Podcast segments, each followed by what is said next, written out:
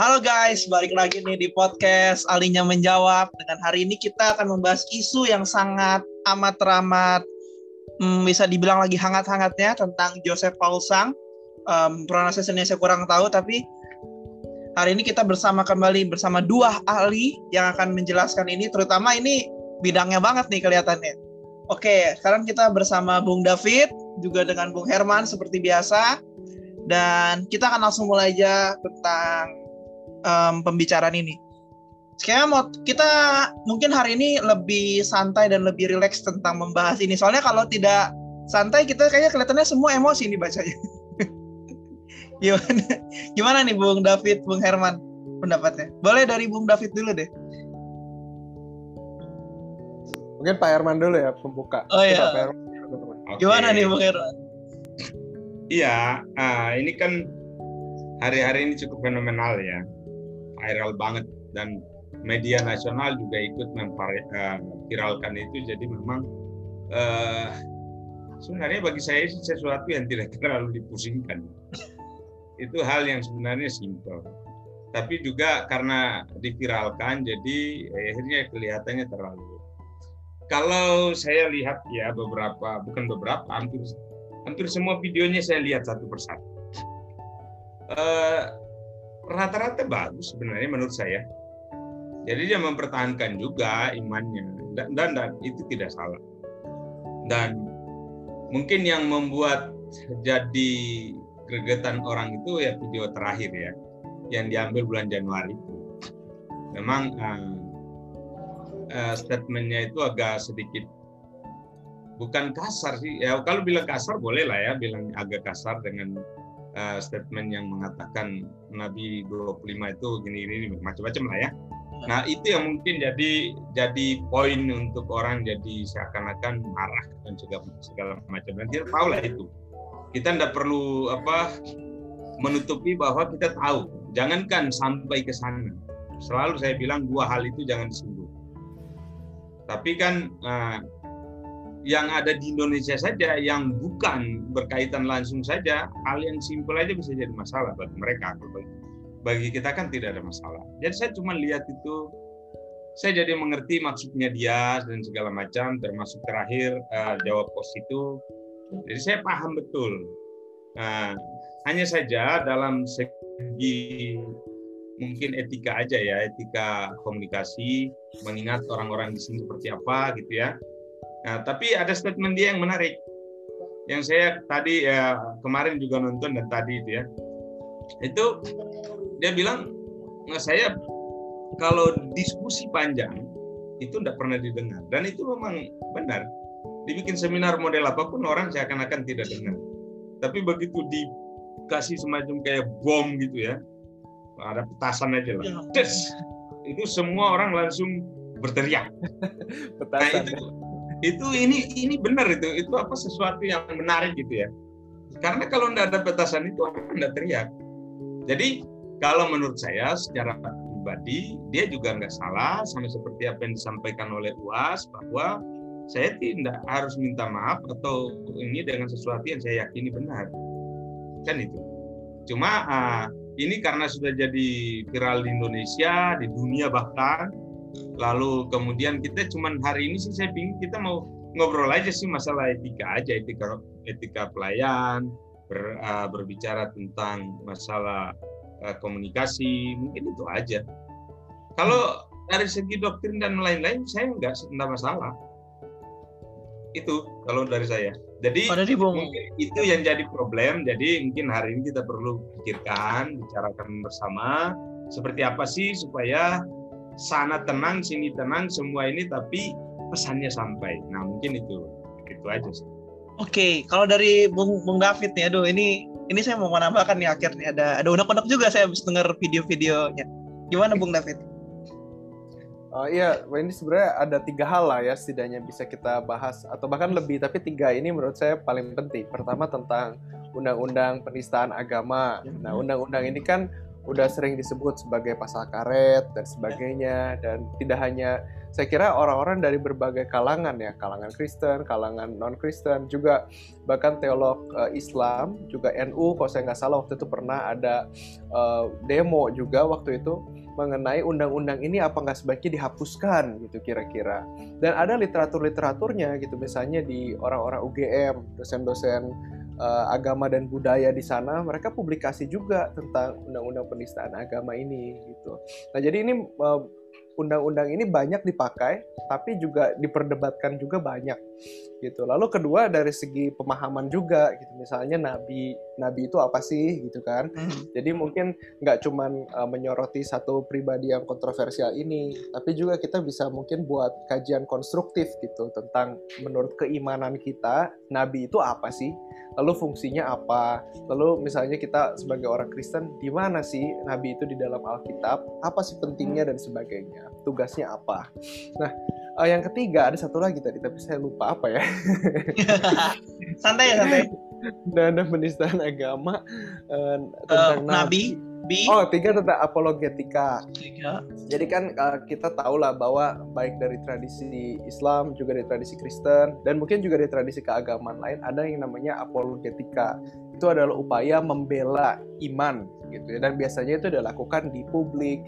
Nah, uh, mungkin nggak menurut saya? Kita bertanya ya kita dalam mode bertanya tapi pertanyaan ini satu uh, tantangan tapi juga satu mungkin usulan gitu. Mungkin nggak kita berapologetika tanpa menyerang gitu? Mungkin nggak gitu? Itu menurut saya mungkin juga gitu. jadi lebih ke apologetikanya melakukan pembelaan iman yang dalam arti memaparkan aja memaparkan lalu kalau seandainya ada pertanyaan-pertanyaan kritis dijawab tapi tidak perlu menyerang tradisi iman lain itu juga saya kira mungkin dilakukan di Indonesia oke okay. um, yang saya mau tambahkan itu sedikit ini kita kita mulai dari common ground dulu. Mungkin kita bisa lihat basically dia ini dari dari mana. Menurut berita yang saya riset dan saya baca, jurusan dia S1-nya atau jurusan sarjana dia adalah teologi. Um, pasti teologi karena saya lihat saya baca juga dia tuh basically membabarkan tentang Alkitab itu cukup jelas dan cukup baik walaupun ada beberapa scenes yang um, kita nggak semua ngerti. Terus juga kita lihat dari almaternya. Um, aku nggak aku nggak tahu ya Satya Wacana itu dia kan almaternya S1 dari teologi Satya Wacana. Yang saya nggak tahu adalah teologi di Satya Wacana itu seperti apa. Mungkin kalau dari orang-orang yang udah sekolah teologi mungkin yang mungkin dari Pak Herman deh yang udah sekolah teologi, menurut Bapak apakah ada pengaruhnya dari tempat dia bersekolah atau dari mana dia punya statement-statement seperti ini? Karena nggak mungkin dong ada orang tiba-tiba lahir punya statement seperti itu dan bisa mem membeberkannya dipublikasikan lagi di sosial media. Gimana Bung Herman? Eh Bung Herman kan lebih mengerti soal sekolah-sekolah dan tipe-tipe pengajaran di sana mungkin ya. Ya kalau kalau lihat dia eh, sedikit banyak sih background teologi bisa mempengaruhi. Memang kuat juga ya untuk uh, Setia Wacana. Itu mereka kuat juga sama dengan seperti Jakarta ya yang kuat dengan uh, filsafatnya, penggalian yang dalam. Jadi memang kuat sekali. Nah, tapi kalau kita lihat dia, saya tidak bicara background itu ya. Saya hmm. pikir kita lebih lebih kepada uh, apa yang sedang terjadi aja. Hmm. Karena ke background itu memang semua orang teologi harus belajar, ya. harus menggali hmm. supaya bisa dapat. Jadi mau dia teologi basicnya apa pun itu dia harus belajar tentang kebenaran itu. Kalau tidak ya dia bagaimana mau mempertahankan apologet dia tentang kebenaran pembelaan dia tentang imannya dia itu bagaimana mungkin. Jadi itu itu memang dia cukup kuat dan kalau saya melihat juga dia punya latar belakang sosial yang cukup mempengaruhi. Dari kecil dia sudah kena dibully dan segala macam. Lalu kemudian eh, berjalan ke sini ke sini itu juga itu mempengaruhi. Jadi pergolakan itu terus terjadi terus menerus. Nah dia double kalau kita mau bicara ya double Chinese Kristen. Nah itu double itu double masalahnya, double uh, sosial masalah sosial. Itu makanya kalau kalau perhatikan di dalam YouTube dia ceritakan itu apa adanya. Dia pernah dibully, dia pernah di segala macam dikata-katain dan segala macam gitu ya. Lalu uh, dia baru masuk itu kurang lebih tahun 2000 berapa ya 7 apa 2015 ya dia baru terjun benar di dalam dunia misi penginjilan dan saya pikir ini kesempatan untuk mempertahankan iman Kristennya dan banyak teman-teman yang membuli dia pun dia bilang saya tidak marah tidak membenci mereka dan bahkan mereka dia bawa ke Kristus dan sebagian ada masuk di gereja dan macam-macam jadi kalau saya perhatikan dari segi itu bagi saya tidak terlalu persoalan karena semua orang mempertahankan iman mereka. Teman-teman kita dari Muslim juga begitu. Begitu. Saya melihat dia debat dengan mereka, bukan debat, sebenarnya diskusi, cuma panjang lebar. Misalnya salah satu yang bicara tentang orang Kristen tidak boleh kasih salam, itu kan pemahaman mereka. Hmm. Tapi eh, dia sudah menjelaskan, saya melihat itu jelas itu sistematik itu benar. Jadi memang konteks ayat itu tidak untuk uh, memberikan salam kepada semua orang tidak, tapi kan bagi mereka yang sudah murtad itu orang-orang yang melakukan itu sama ya. Jadi saya melihat itu tidak ada yang salah. Nah dari seberang itu kan selalu menekankan, oh itu itu salah ini ya, ya itu. Nah itu tidak ada masalah bagi saya. Nah jadi kalau dibilang latar belakang uh, teologi, saya pikir itu berpengaruh untuk apologet dia sangat kuat. Tapi hmm. kalau dalam apa yang dia sampaikan dengan konteks yang cukup uh, meledak-ledak itu, huh? itu saya pikir banyak dipengaruhi latar belakang sosial, menurut saya. Oke. Okay. Dan dia tidak bisa berteriak di Indonesia karena undang-undang tadi. undang-undang penistaan agama. Kita semua nih kalau kita salah ngomong saja ada yang tersinggung, dia melaporkan itu jadi masalah untuk kita. Iya. Nah, dan dia dia ada di luar di negara yang begitu bebas lalu kemudian bisa menjamin haknya dia dia berteriak jadi kalau tadi ya, di dalam video dengan apa uh, jawab positif ya kasih tahu dengan jelas dengan gamblang. Kalau saya teriak di sana sudah lama saya ditangkap. Saya belum bicarakan maksud saya sudah dimasuk penjara orang nggak mau dengar kan begitu. Jadi kalau latar belakang saya pikir yang paling banyak mempengaruhi sampai setegas-tegasnya dia itu sosial menurut saya bukan bukan teologi. Oke. Okay. Kalau, kalau pendapat Bung David nih kayak Pak Herman kan apa Bung Herman tuh udah udah dari common ground banget nih latar belakangnya segala macam. Kalau dari Bung David kira-kira apa itu yang membelatar belakang atau sekolahnya kah atau mungkin setuju dengan Bung Herman? Ya mungkin saya uh, ada ada sesuatu yang lain aja yang saya komentarin ya. Misalnya komentar netizen gitu ya. Jadi komentar netizen ini ada yang rasis gitu ya, ada yang jelek-jelekin ya. dia, serang pribadinya gitu. Malah ada satu YouTube yang terkenal kok malah judulnya itu malah menyerang pribadi gitu loh iya. apanya lah jelek dan sebagainya hmm. penampilannya loh ini justru apa ya istilahnya uh, tujuan orang-orang itu kan bikin YouTube ngomong maksudnya menghindarilah perpecahan atas dasar agama gitu kan. Nah, tapi kenapa harus pakai judul-judul yang menyerang pribadi orang gitu kan, penampilan orang gitu. Nah, terus kalau memang orang-orang itu gak setuju bahwa ada istilah istilah-istilah yang menyerang agama atau keyakinan yang lain, ya kenapa harus pakai komentar yang rasisme dan komentar-komentar yang menyerang pribadi gitu? Buat apa itu? Maksud saya ini orang-orang ini kadang mereka memperjuangkan jadi kita bertanya apa yang mereka perjuangkan gitu untuk sebagian orang? Ya mungkin beberapa orang punya landasan yang uh, cukup baik dalam apa namanya sebisa mungkin jangan ada perpecahan di Indonesia. Juga atas nama agama jangan ada lah. Jadi bisalah itu di, dilaporkan. Mungkin ya mungkin ada perspektif yang seperti itu. Saya juga nggak tahu laporannya seperti apa. Tapi mungkin saja ada ya. Sah-sah saja gitu kan setiap orang boleh melapor.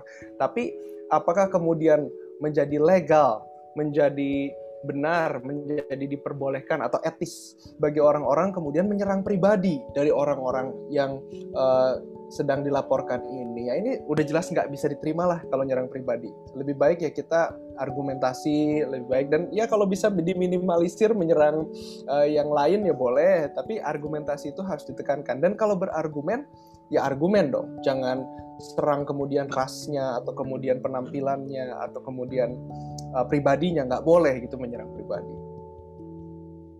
Ya. Oke, okay. kita kita geser dikit isunya nih. Um, dia mengakui bahwa dirinya adalah um, pendeta lah, hamba Tuhan. Dan statement tanggal 18, statement tanggal 18 bulan 4 2021 dari PGI, Pak Golmar Gultom um, berbicara seperti ini. Um, saya tidak tahu pasti pendeta itu jabatannya gerejani, se- sementara dia tidak jelas dari gereja mana. Ini ketua PGI sendiri yang ngomong, Pak Gormar Gultom ya, kita sebut aja namanya karena ketua PGI. Dia berbicara dia tidak tahu sama sekali datanya, tidak ada data di PGI.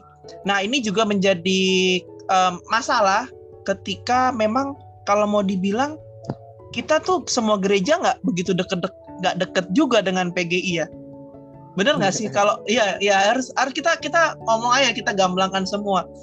Di di sini kita sambil ngobrol-ngobrol em, coba ke et, karena ini masuk etika kan pasti ya. Mungkin kita nggak deket-deket semua nih sama G- sama PGI menurut tanggapan Pak Herman itu gimana? Bahkan seorang ketua PGI pun tidak mengetahui gitu loh. Nggak ada Ya. datanya katanya. Ya memang kalau di YouTube-nya dengan eh, Jawa Pos dia kasih tahu. Hmm. dia orang karismatik Hmm. dia dia kasih tahu terbuka aja dia bilang Ya, ya, saya dia orang karismatik mati. misalnya bahasa roh dan segala macam sampai-sampai dia jelaskan itu tapi ya bahwa dia tidak ada di eh, apa PGI maka lihatlah gerejanya apa kan dia juga tidak kasih tahu Iya. gerejanya namanya apa itu terdaftarnya di mana di PGI kan Iya. kalau dia tidak terdaftar Iya. di PGI ya otomatis dia tidak Nggak ada ada. PGI. sehingga begini yang perlu dipikirkan itu adalah Indonesia ini mesti tahu jadi kalau eh, misalnya teman-teman kita di Muslim kan ada NU ada Muhammadiyah Iya. dia tercatatnya di mana jadi kalau dia tercatatnya itu tidak di PGI ya orang PGI tidak bisa mengkomentari bahwa dia bukan pendeta, tidak bisa Nah. juga. Nah kecuali tahu persis gerejanya itu apa, lalu kemudian bernaung di bawah sinode apa dan sinode itu ada di aras mana. Kalau dia ada di arasnya eh, PGI, ah, boleh. Dia tidak terdaftar maka itu se- sebuah kebohongan. Tapi kalau dia gerejanya tidak berada di bawah aras PGI dan dia terdaftar di aras yang lain, maka PGI tidak bisa mengklasifikasikan itu. Memang pendeta itu itu adalah gelar profesi yang diberikan oleh eh, lembaga gereja, bukan akademik, sehingga tidak bisa langsung sekalian kita bicarakan bahwa oh kalau dia lulus eh, eh, teologia ini maka otomatis akan jadi pendeta di gereja apa? Enggak. Karena gelar pendeta itu adalah pemberian dari jemaat yang memberikan itu. Jadi dia bukan gelar akademik.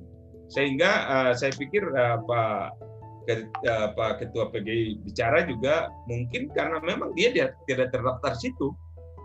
Sehingga dia tidak harus melaporkan diri di situ, gerejanya tidak di situ. Gitu ya, apalagi dia sudah lama tidak di Indonesia. Dia pergi tahun 2018 lalu kemudian justru dia lebih aktif itu di apa ya? Ya Eropa sana ya, lembaga misi apa gitu. Iya. semacam kayak ada NGO malah dia di sana. Jadi dia di situ. Nah bisa saja kadang-kadang eh, satu lembaga dia mengangkat orang untuk menjadi gembalanya menjadi pendetanya. Kalau dia terdaftar dia bisa saja menghabiskan seorang pendeta kan. Nah mesti lihat dulu dia di gereja mana supaya tidak salah eh, komentar. Nah masalahnya ini jadi presiden buruk. Hmm. untuk hamba Tuhan secara keseluruhan. Keseluruhan. aja sih.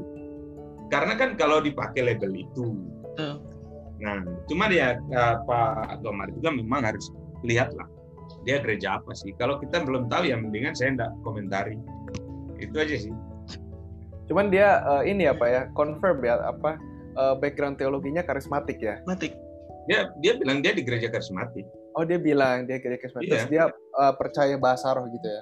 Iya, jadi dia ngomong tadi itu dia ngomongnya gini. Kan ditanya tuh sama dia. Kan dia mau bikin sekolah teologi.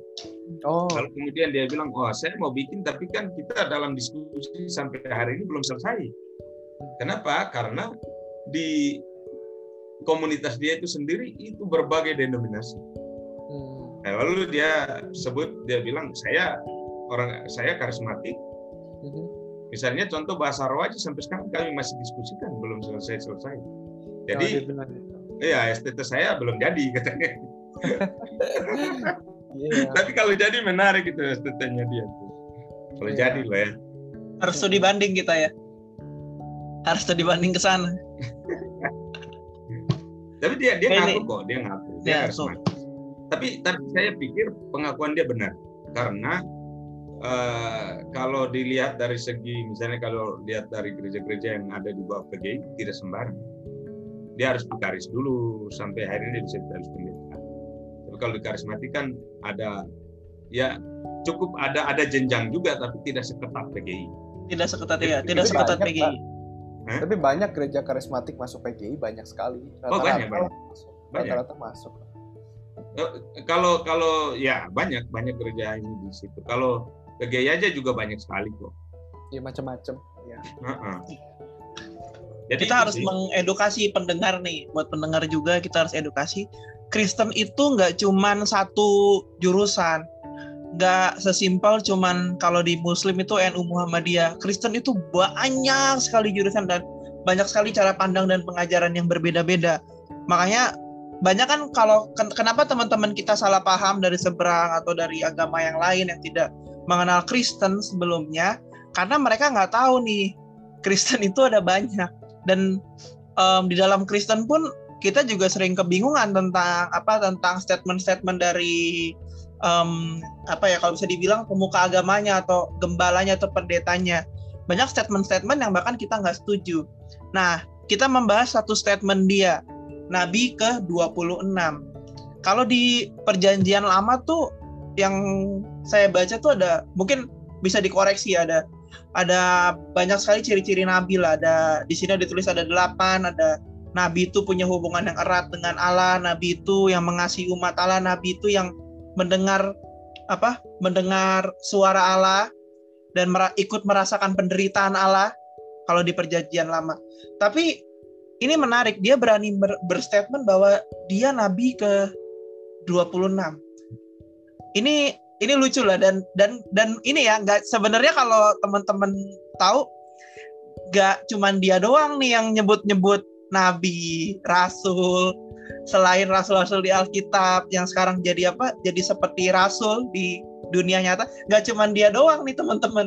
Jadi mungkin yang viral dia, tapi yang lain-lain juga banyak. Tapi harus kita harus jelas dulu nih, apa sih nabi, apa sih rasul, siapa sih yang bisa disebut nabi, siapa sih yang bisa disebut rasul? Karena harus jelas.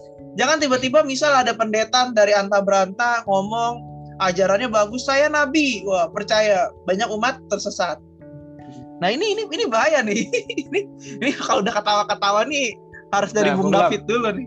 Menarik ini Bung Lam, karena gini ya di dalam uh, agama Kristen gitu di gereja fenomena bergereja banyak banget pendeta-pendeta yang ngaku-ngaku nabi itu banyak banget gitu ya mau di luar negeri mau di dalam negeri lokal-lokal sampai level daerah juga ada gitu ya, Ada. ngaku-ngaku. Bisa lihat apa masa depan lah dapat mimpi lah mimpi apa, apa. lah minta ampun banyaknya.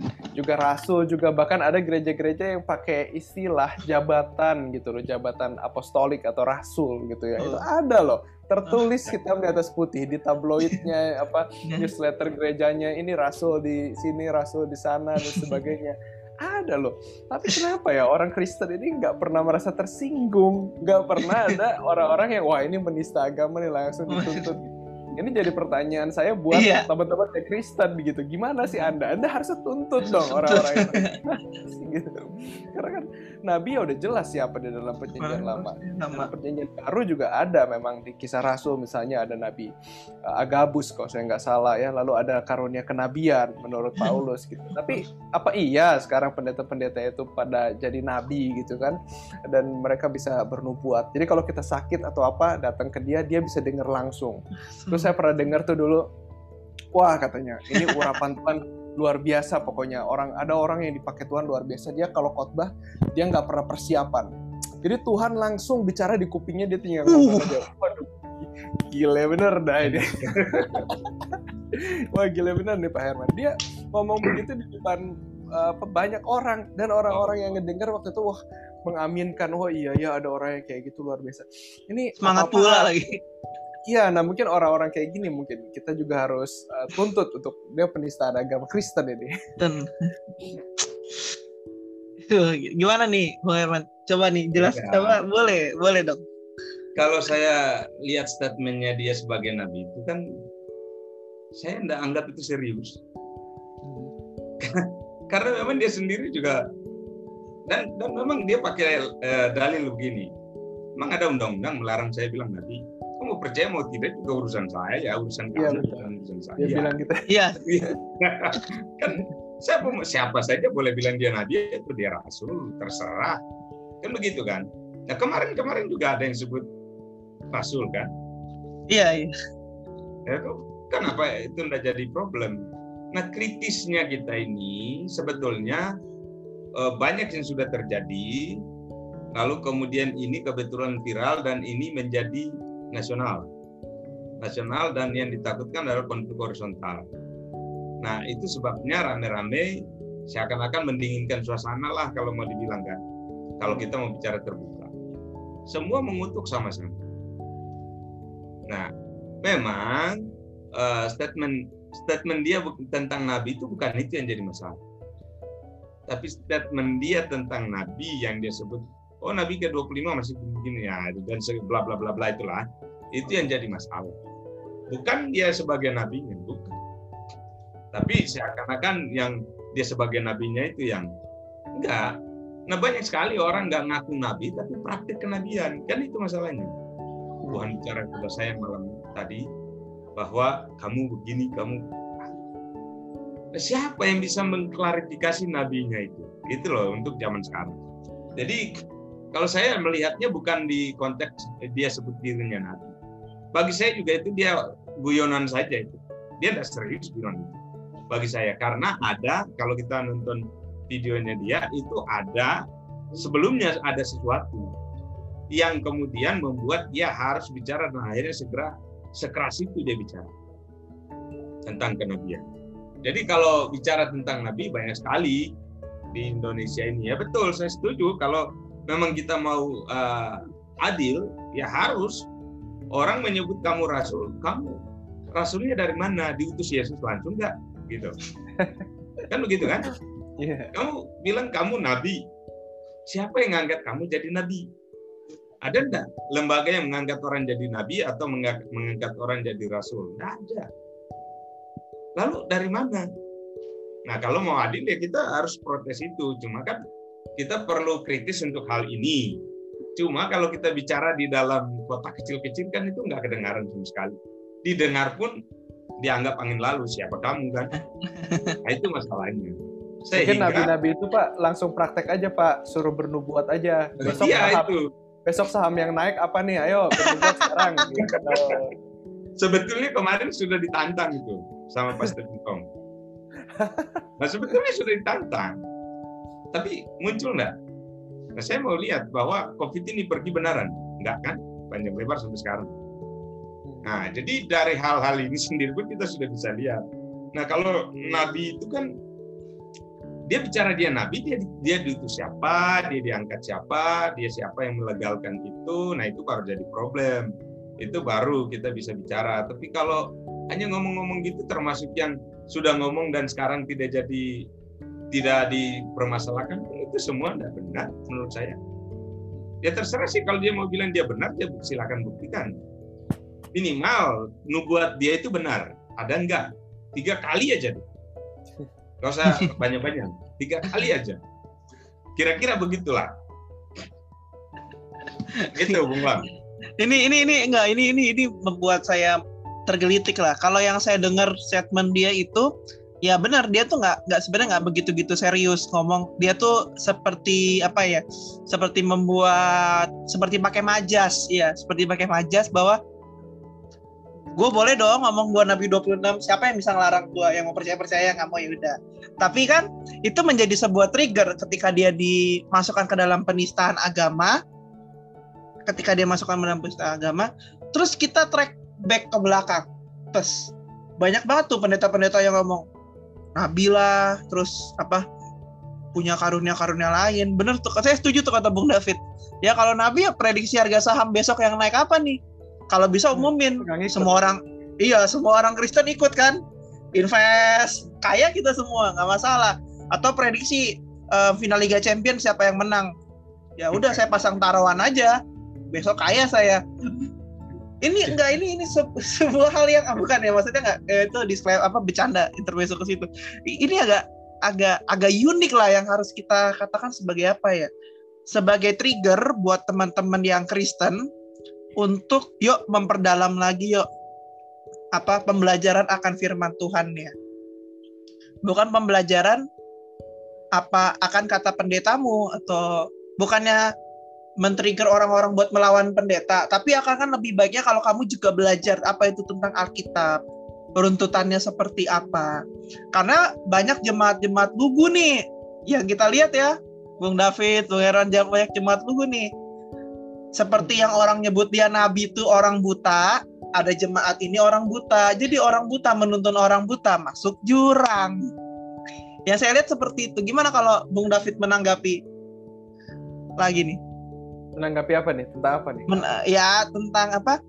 Tentangnya tadi fenomena ken kenabian. ini ini enggak ini ya. kita kita harus clearin clearin clearin dulu nih karena ini topik yang biar teman-teman yang dengar um, teredukasi nih. Jadi mereka nggak salah salah apa? nggak salah ikut orang gitu takutnya salah follow orang kan masuk jurang mereka Ya cuma mungkin kalau dari perspektif teologinya nggak tahu kenapa ya orang kok bisa begitu ya. Kalau cuma sesekali misalnya ada nubuat lalu rame gitu gereja tersebut karena ada nubuat saya masih masih bisa masuk akal lah di akal sehat saya. Tapi kalau seandainya tiap kali orang datang ke situ karena mau lihat seorang nabi gitu ya. Malah ada loh, saya nggak tahu sih di Indonesia ada nggak. Tapi kalau di Amerika di Afrika ada yang sebut dirinya prophet siapa, prophet siapa gitu loh, nabi siapa itu ada loh. Dan orang tuh datang karena pengen dengar nubuat gitu. Oh saya pernah tahu juga di Indonesia ada dulu di satu tempat, bukan di Jakarta tapi di, di luar Jakarta yang saya tahu. Itu dia kayak punya karunia penglihatan atau apa. Tapi di Jakarta pun kalau dicari pasti ada sih. Nanti coba ya Terus kita datang ke webinarnya dan sebagainya. Nanti kita bisa tanya prediksi saham besok. Nah, intinya adalah dia selalu ngomong tentang itu, tentang apa namanya nubuat-nubuat. Jadi ini bukan sesuatu yang sekali-sekali datang loh, tapi betul-betul tiap kali ibadah tuh maunya denger itu. Ini saya heran, apakah mungkin jemaatnya itu atau orang-orang yang suka dengan hal yang seperti itu, mereka itu mungkin kurang menikmati keindahan dan kedalamannya Alkitab mungkin sampai mereka rela setiap kali khotbah tuh cerita pengalaman dari si hamba Tuhannya atau si nabi ini dan juga prediksi-prediksi ke depan dari si nabi ini. Padahal kan kalau kita ngerti keindahan dan uh, dalamnya kitab suci kita Alkitab, kita kan pengen tiap minggu tuh dapat sesuatu yang baru hmm. dari Alkitab kan kita pengen. Nah, ketika uh, seorang hamba Tuhan dia tidak menggali Alkitab, tidak menjelaskan pada kita, kita dirugikan loh. Oke, kalau sekali dua kali, kalau 10 tahun terus begitu, kita nggak ngerti apa-apa ini Alkitab itu isinya apa. Itu cuma ngerti nanti saham besok apa yang mau naik, saham ini. atau uh, Liga Champions siapa yang menang. Gitu. Iya, nggak tahu kita gitu kecenderungannya sih begitu ya. Iya. Jadi kecenderungannya itu saya saya justru melihatnya nubuatan Paulus itu benar terbukti nih mulai ter, mulai terjawab. Sudah lama sih bahwa orang pada akhir zaman itu kan suka memuaskan telinga untuk mendengar yang sedap-sedap saja. Iya. iya jujur aja kalau kamu eksposisi dengan benar khotbahmu dan kamu uh, jelaskan bahkan ada teguran keras, saya yakin jemaat pun tidak banyak. Itu untuk zaman sekarang. Kondisi-kondisi ini yang bikinnya dan banyak sekali saya mengalami itu sendiri. Saya pernah melakukan pelayanan di Jambi, gitu ya. Lalu di satu gereja, satu orang dia sekeluarga lah panggil saya untuk. Uh, jadi saya habis di gereja, baru kemudian saya datang ke uh, rumah mereka, mereka minta do tolong doakan anak mereka karena mau jadi PNS. Sudah 3 sampai 4 hamba Tuhan dari Jakarta setiap kali datang, setiap tahun itu menubuatkan dia bahwa dia akan lolos PNS tanpa bayar. Dan semuanya tidak terbukti. Jadi dia udah stres itu. Lalu waktu itu dia bilang, e, semua sudah membuatkan dia lolos tanpa bayar tapi karena sudah empat kali tidak lolos, maka dia mau bayar tahun ini. Dan mereka main iman. Imannya begini, tolong doakan saja kalau dia lolos, maka waktu itu minta 80 katanya. 80 juta ini akan saya sumbangkan untuk bangun gereja.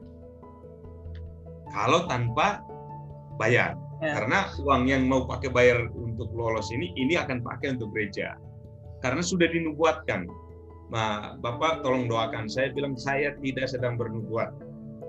Tapi saya cuma mau sampaikan begini. Jika kamu tidak lolos dengan cara dibayar, saya sampai bilang terakhir kali aja tahun ini. Kalau tidak lolos tidak lolos karena tidak bayar, tahun depan kamu bayar deh. Supaya lolos gitu. Tapi kalaupun kamu sudah bayar dan tidak lolos, kamu jangan kecewa sama Tuhan. Karena kamu sendiri yang melakukan itu. Dan saya tidak pernah bilang, kamu akan lolos tanpa dibayar. Karena Tuhan sudah bicara sama saya. Enggak, kan saya tidak dapat. Ngapain saya ngomong?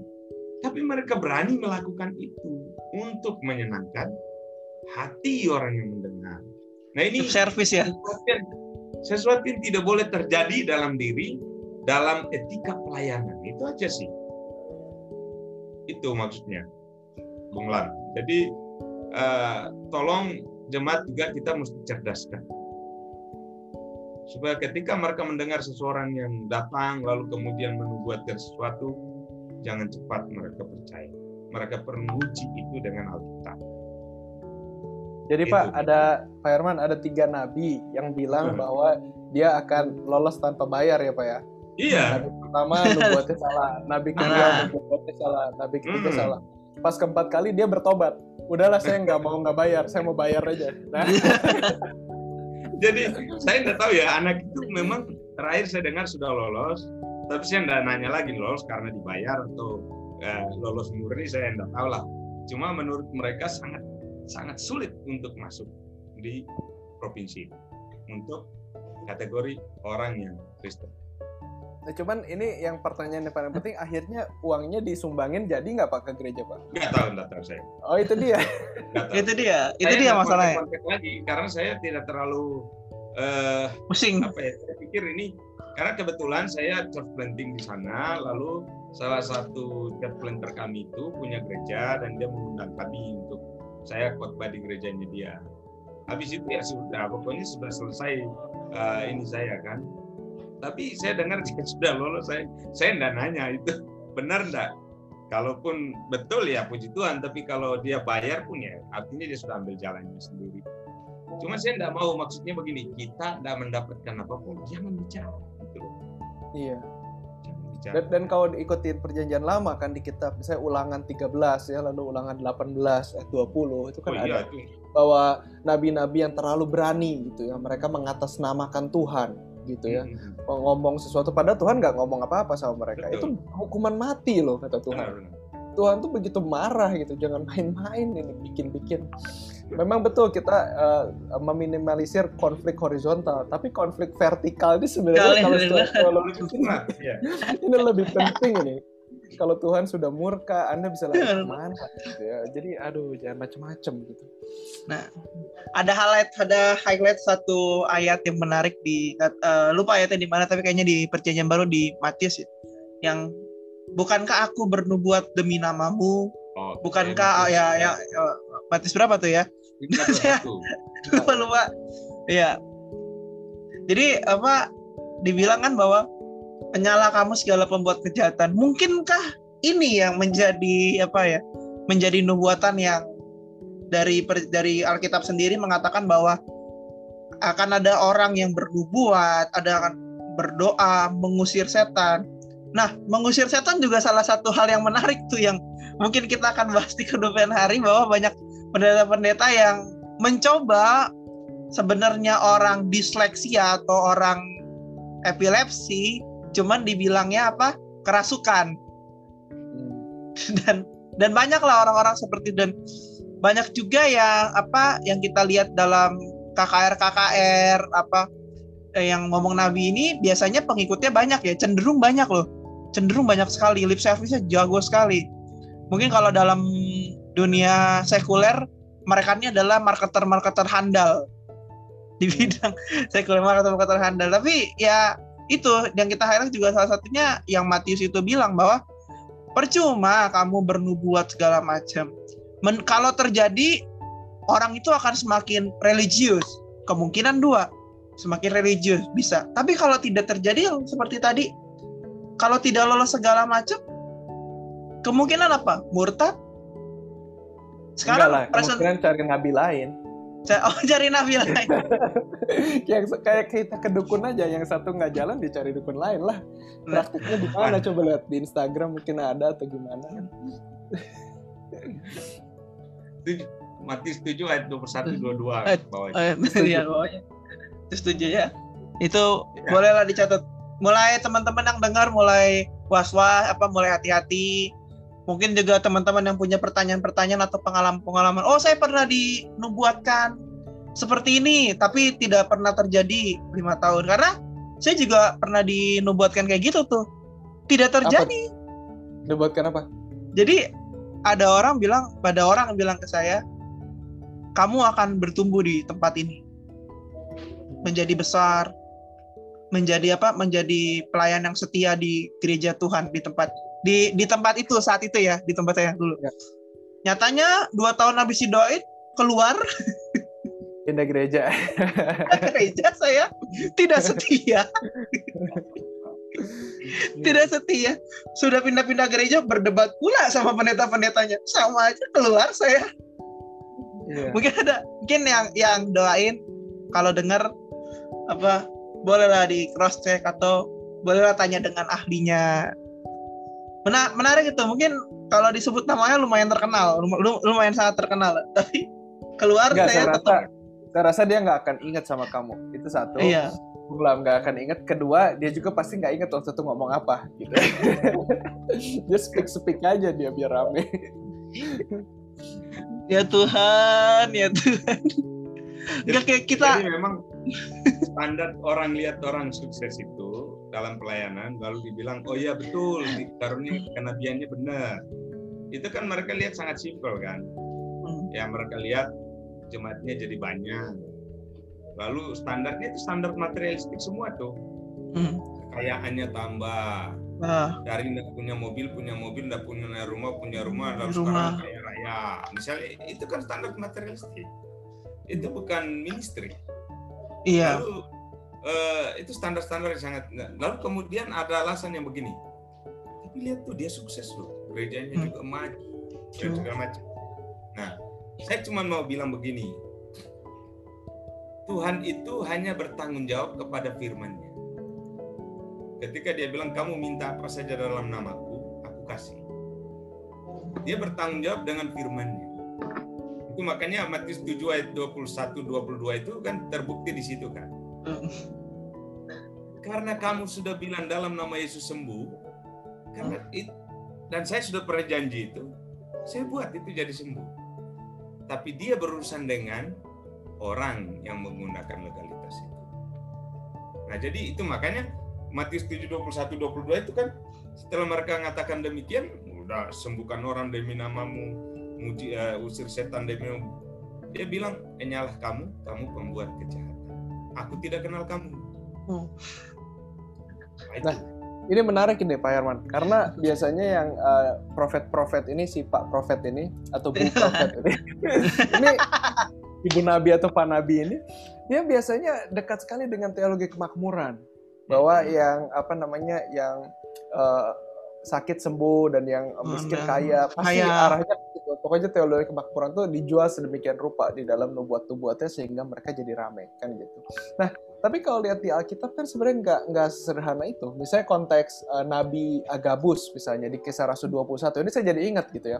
Di Kisah Rasul 21 Nabi Agabus datang lalu dia bilang gitu kan. Dan di situ salah satu eh, perkataan dia adalah kalau Paulus ke Yerusalem, Paulus bakal dianiaya. Kan gitu. Tapi Paulus tetap ke Yerusalem sekalipun dia tahu dia akan dianiaya di sana gitu. Nah, jadi eh, malah ini yang dinubuatkan bukannya berkat, bukannya kekayaan, bukannya mobil baru atau apa baru gitu, tapi yang dinubuatkan kesusahan dalam melayani Tuhan. Nah ini nggak pernah kita lihat di fenomena fenomena, fenomena Pak Nabi dan Bu Nabi zaman sekarang gitu. Nah ini mungkin gimana ya? Ini udah jelas sekali gitu. Kadang terlalu uh, dekat dengan yang makmur-makmur atau teologi kemakmuran. Ya ukuran nggak ada nggak ada ya Nabi ya Nggak, saya ukuran ukuran materi ya Gimana tuh? Enggak, kalau gini ya. Kalau ukurannya itu kekayaan, bacalah dari perjanjian lama sampai perjanjian baru, baca semua nabi, semua rasul. Temukan dan kasih tahu kepada saya saja bahwa ada satu nabi yang sukses banget. Punya kekayaan melimpah, tidak pernah dianiaya, dan segala macam. Coba lihat. Semua menderita. Yang namanya nabi dan rasul itu. Menderita. Iya. Dan itulah kesuksesannya dia. Ya, itu tadi yang misalnya Paulus juga dinubatkan. Ya kamu ke Yerusalem dibantai. Bukan, ya kamu ke Yerusalem nanti ada pengusaha yang sudah siap antar kamu semua siap. Ya ada gitu. Jadi saya selalu bilang kan di, di kelas itu mereka kadang-kadang kan mereka suka ini kan. Tapi ini begini loh, enggak. Itu bukan standarnya. Kalau mau standar kamu betul Nabi, kamu lihat dari kejadian sampai wahyu siapa yang sukses dan tidak pernah mengalami penganiayaan? Tidak ada. Semua menderita. Pelayan-pelayan itu. Jadi itu saja sih ya. Cuma kalau kita balik ke ini, saya cuma mungkin mau mau mau Ya. akhir kali. Eh, balik ke eh, Pak Yosef Sang ini. Semua yang dia katakan itu benar. Artinya ada benar. Sekalipun itu benar, mengingat kondisi kita yang ada undang-undangnya, Hmm. ada teologinya yang eh, semua tidak ini, terus kemudian sosiologinya yang tidak mendukung, sehingga itu yang benar sekalipun kadang-kadang kita tidak bisa menyampaikan secara lantang di Indonesia ini. Sehingga kita perlu bijak. Nah mungkin, mungkin menurut saya dia sudah tidak terlalu ini lagi kan sudah capek kali ya bicara baik-baik itu tidak kedengaran gitu loh akhirnya dia ngambil jalan itulah ketika sampai di tempat yang begitu bebas dan dilindungi dengan hukum yang begitu kuat dia berteriaklah di situ tapi kalau kita yang masih ada di sini bijak-bijaklah karena sekalipun itu benar kadang-kadang kita tidak perlu mengucapkan itu. kita bicaralah kepada jemaat kita kuatkan mereka itu aja sih. Oke. Iya. itu bunga Kalau Ini Bung ada- Lam, kalau saya kalau saya Bung Gimana? Lam, uh, closing statement saya lebih kepada uh, respon-respon orang lah terhadap si Ya, Pak Chang ini. Awal gitu. ya. Ya, orang-orang ini kan mereka melaporkan uh, Pak Chang ini karena uh, mereka bertuhan kan. Orang-orang yang bertuhan melaporkan gitu kan nggak boleh agama dinista ya saya ada setujunya juga bahwa sebisa mungkin janganlah pakai nyerang-nyerang agama lain. Kalau bisa perdalam aja kita sendiri dan dipaparkan saja. Kalaupun mau ada apologetika pembelaan publik silakan. Tapi sebisa mungkin tidak perlu menyerang agama Hmm. lain. Tapi kalau memang alasan uh, bahwa si Bapak Chang ini salah gitu kan di mata keimanan orang-orang yang banyak ya janganlah kasih komentar-komentar rasis Yes. janganlah kasih komentar-komentar menyerang pribadi menyerang entah kepalanya kah kumisnya kah Wis ya. penampilan apanya kah jangan gitu anda juga harus buktikan dong bahwa diri anda itu betul-betul ini apa namanya uh, betul-betul orang yang beretika dengan baik gitu. Oke, the closing statement dari dua ahli kita sudah terdengar dan closing statement dari saya adalah satu hal, em, satu kalimat aja, jangan pernah apa? Jangan pernah berbicara sebelum anda mengerti fakta yang ada. Dan em, apa? Untuk teman-teman semua yang mau bertanya, mau ada pertanyaan sekali lagi boleh langsung DM di podcast Alinya menjawab. Terima kasih juga udah follow dan em, terima kasih juga yang udah dengerin episode 1 dan episode 2. Episode 3 ini semoga bisa lebih memberkati, lebih mengedukasi lagi dan kita akan berusaha sebaik mungkin untuk mengedukasi teman-teman biar teman-teman juga dapat jawaban lah tentang keresahan yang ada gitu. Em, hari ini lagi tidak ada pertanyaan yang cukup menarik, mungkin akan kita jawab di next episode. Tapi kalau misalnya kalian dengar episode ini mau per- mau ada pertanyaan, silakan bertanya dan pertanyaan-pertanyaan yang menarik untuk dibahas akan kita bahas di next episode. Terima kasih buat Bung Herman dan Bung David juga. Um, thank you ya. terima kasih Bung Lam. terima kasih Pak Herman terima kasih banget hari ini kita membahas satu topik yang sangat viral dan banyak podcast juga yang udah membahas tapi di podcast kita karena ahlinya yang menjawab. Oke, terima kasih semuanya. Goodbye, God bless you. Sampai ketemu minggu depan di next episode.